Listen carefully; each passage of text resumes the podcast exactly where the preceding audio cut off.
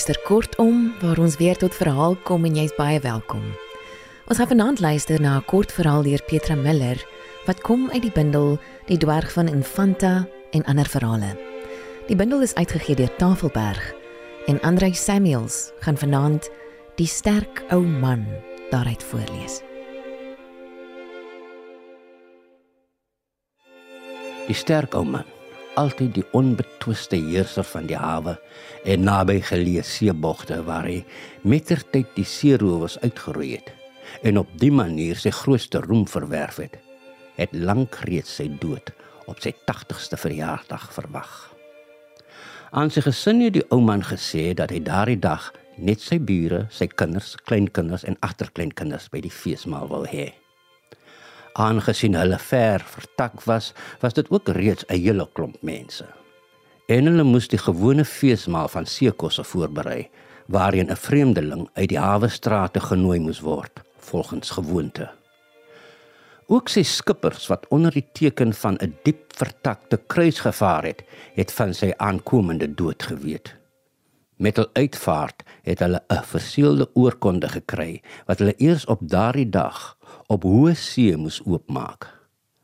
Daarin het hulle gelees dat hy op die dag sou sterf. So uitvaar was die woord. En dat hulle nie daaroor verwonderd of ontstig moet wees nie. Aangesien hulle tog weet dat hy en sy God van sy eerste dag af 'n kontrak gehad het wat die ware bron van sy welvaart was. Elke kontrak het 'n keerdatum. Die voortsetting van sy skeepsryk is ook uiteengesit en die aandeel wat hulle daarin sou hê. So die tyding van die sterk ou man se dood dus ook oor die seewaters versprei. Hy het hulle gevra om die dag sober maar vrolik te vier, om aan hom te dink terwyl die wind in daardie kruisversierde seile roer en om dank te betuig vir sy veilige oortog. Toe sy gesin begin klaarmaak vir die fees, het die ou man uit die krag van sy geloof begin siek word en kwyn.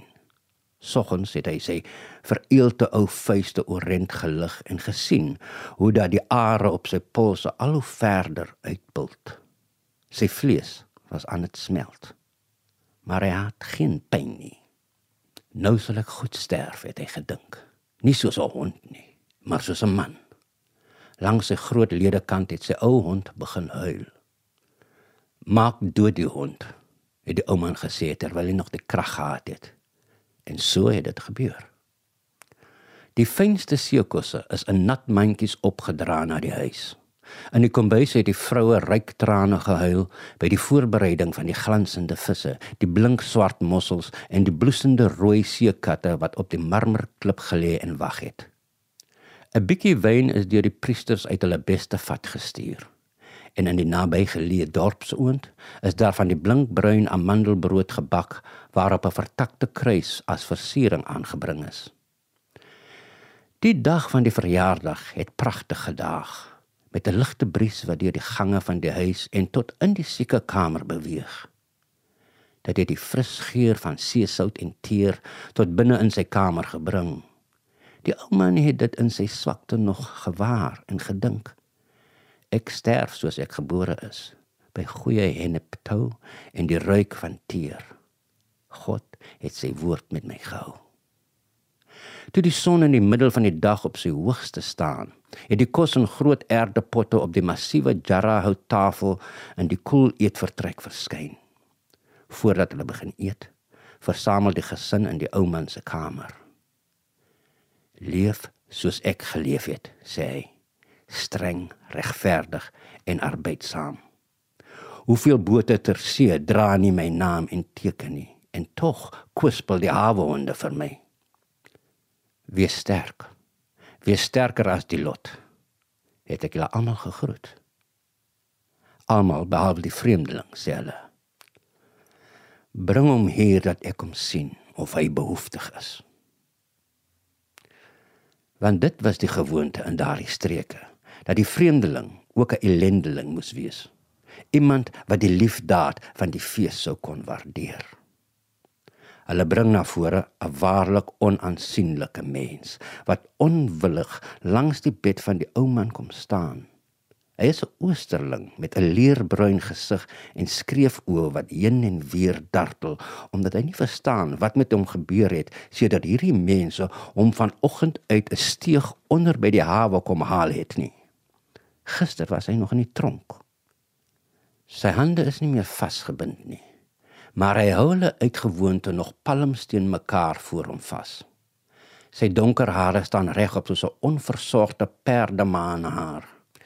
Die een kant van sy gesig is misvorm, asof dit iewers plat gedruk is toe hy klein was, en daar lê diep wondhale oor. Hy is skoon en heel, want hulle het hom gewas en skoon klere gegee om aan te trek. Dit is egter nie die soort klere waaraan hy gewoond is nie dit hang wyd om hom en sy liggaam skuur rusteloos daarteen terwyl hy met sy gesig baie naby die ou man half gebukken staan en wieg. Wat is jou naam? vra die ou man. Hierdie mens verstaan nie wat ons praat nie, sê die familie. Hy is van 'n ander nasie en sy oortrom het glo lank gelede gebars. Die ou man knik. Hy beveel hulle om te gaan feesvier en om alleen te laat sodat hy in vrede kan sterf. Ek wil geen aardse gesig meer voor my hê nie, sê hy. Ek het baie om met God te bespreek. Julle sal my lewend nie weer sien nie. Toe die gesin sag agteruit skuifel, bly die vreemdeling gebukkend staan, sy oë star op die ou man gerig. Jy ook, sê die ou man. In plaas daarvan sak die vreemdeling op sy knieë neer en begin met sy saamgevoude hande omhoog in sy onverstaanbare taal te bid. Dit klink soos 'n windstorm wat iewers opsteek. "Gepat!" skree die ou man met skielike krag. "Hy bid vir my behoud." Die familie vat hom haastig weg. Toe die bure en gesin skemertyd saggies terugkom na die bed in die kamer, vind hulle die ou man nog daar woedend aan die leef. Hy jag hulle weg. Vannag fluister die ou man. As die koudste uur kom en die see sug, want daar kom 'n uur net na middernag wanneer die see in sy slaap omdraai soos 'n mens en dan trek daar 'n verandering oor die waters soos 'n sug. Dan draai die wind van een wang na die ander as jy by die stuur staan. Die wat nagte op see deurgebring het, weet wanneer die oomblik daag. Oop oog wag die ou man en dit gaan by hom verby. Sy spoeg skuim wit in die hoeke van sy mond toe sy dogters hom die volgende dag groet in die helder lig van die son. Bring my klere roep hy dat ek kan opstaan. As God nie met 'n mens akkoord hou nie, is dit uit en gedaan. Nou is dit somer. Die ou man sit nie meer in sy hawe kantoor met die groot vensters wat uitkyk oor die buie van die groen-blou water nie. Hy sit waar hy gesit het toe hy jonk was, op 'n rol ou tou langs die hawe hoof met die hawehonde langs hom. Kos word vir hom gestuur uit 'n nabye herberg wat sy eie naam dra. Hy suig die laaste murgbeen uit voed die honde en maak daarna sy horingerige naels tydsaam met 'n dun geslypte meslem skoon. Langs hom verskyn die gestalte van 'n idioote mens met 'n dik vag skurwe swart hare en 'n skewe gesig. Dit is die vreemdeling wat sy dodefees bygewoon het. En in sy arm het hy een van die amandelbrode met die kruis op, die een wat aan hom gegee is toe hy skemertyd by die feestafel vertrek het. Dit bied hy die ou man aan wat dit stadig aanvat. Breek bedui die vreemdeling. Die ou man breek in gedagte aan die brood wat intussen heeltemal hard geword het. Hy hou die korsie brood in sy hand. Eet, bedui die vreemdeling. Die ou man sit dit in sy mond en kou. Dit is hard. Maar na mate sy spoeg die brood begin week, proe hy die soetheid daarvan. Die vreemdeling wat geknield op die sement sit, klap opgewonde met sy hand op sy knie, asof hy 'n kind aanmoedig om te eet.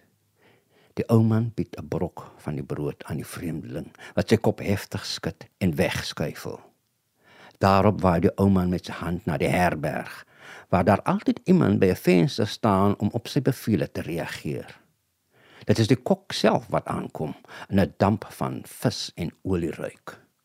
Wie is hierdie man, vra hy, wat nou hier was en die harde brood hier gelos het? Weet iemand wie hy is? Maar Georgio, sê die kok. Dis mos die Mansureier wat destyds van die massa afgeval het, destyds op jou boot. Verwonderd kyk die ou man na die kok. Hy onthou vaag weg iets van 'n man wat uit die helder son op die dek getuimel het, van die skrik wat deur die skip geloop het en van homself wat destyds nog 'n skipper was en wat dit self gesien het. Daardie een, sê hy verwonderd. Ek dink hy is dood. Hy is dood nie, sê die kok. Sy oortromme en sy binnegoed het gebars, sy bene het gebreek, maar hy het geleef.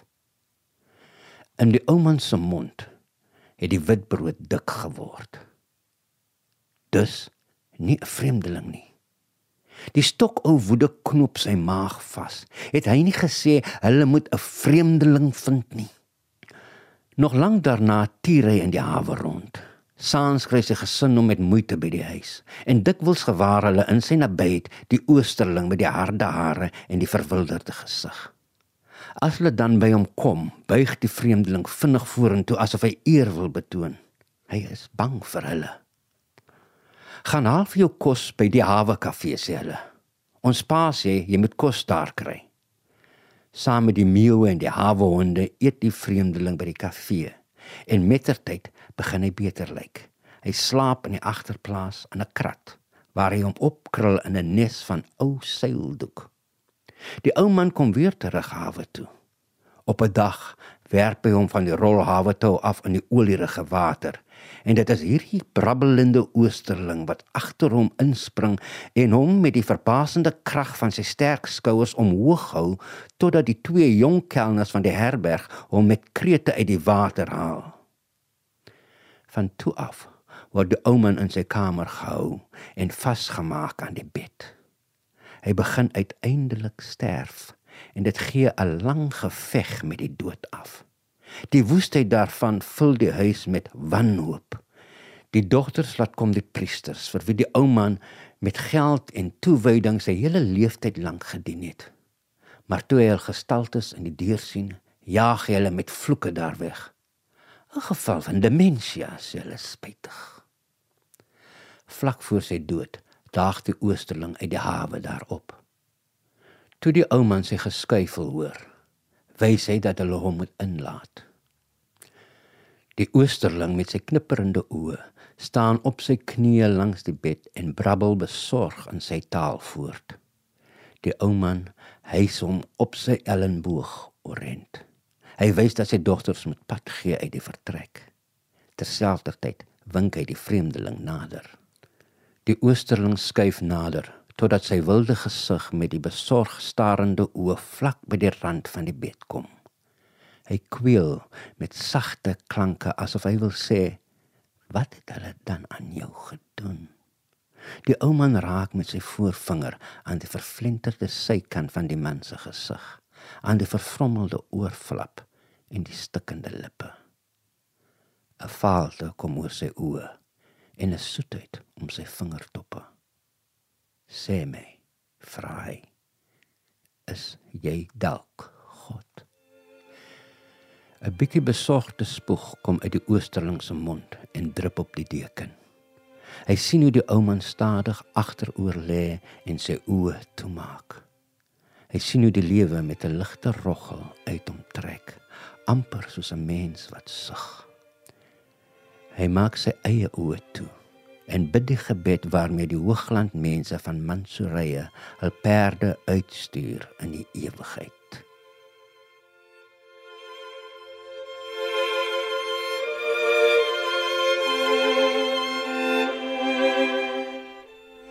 Dit was dan die sterk ou man deur Petra Miller. Andrei Samuels het dit voorgeles. 'n mooi aand vir jou. Tot volgende keer.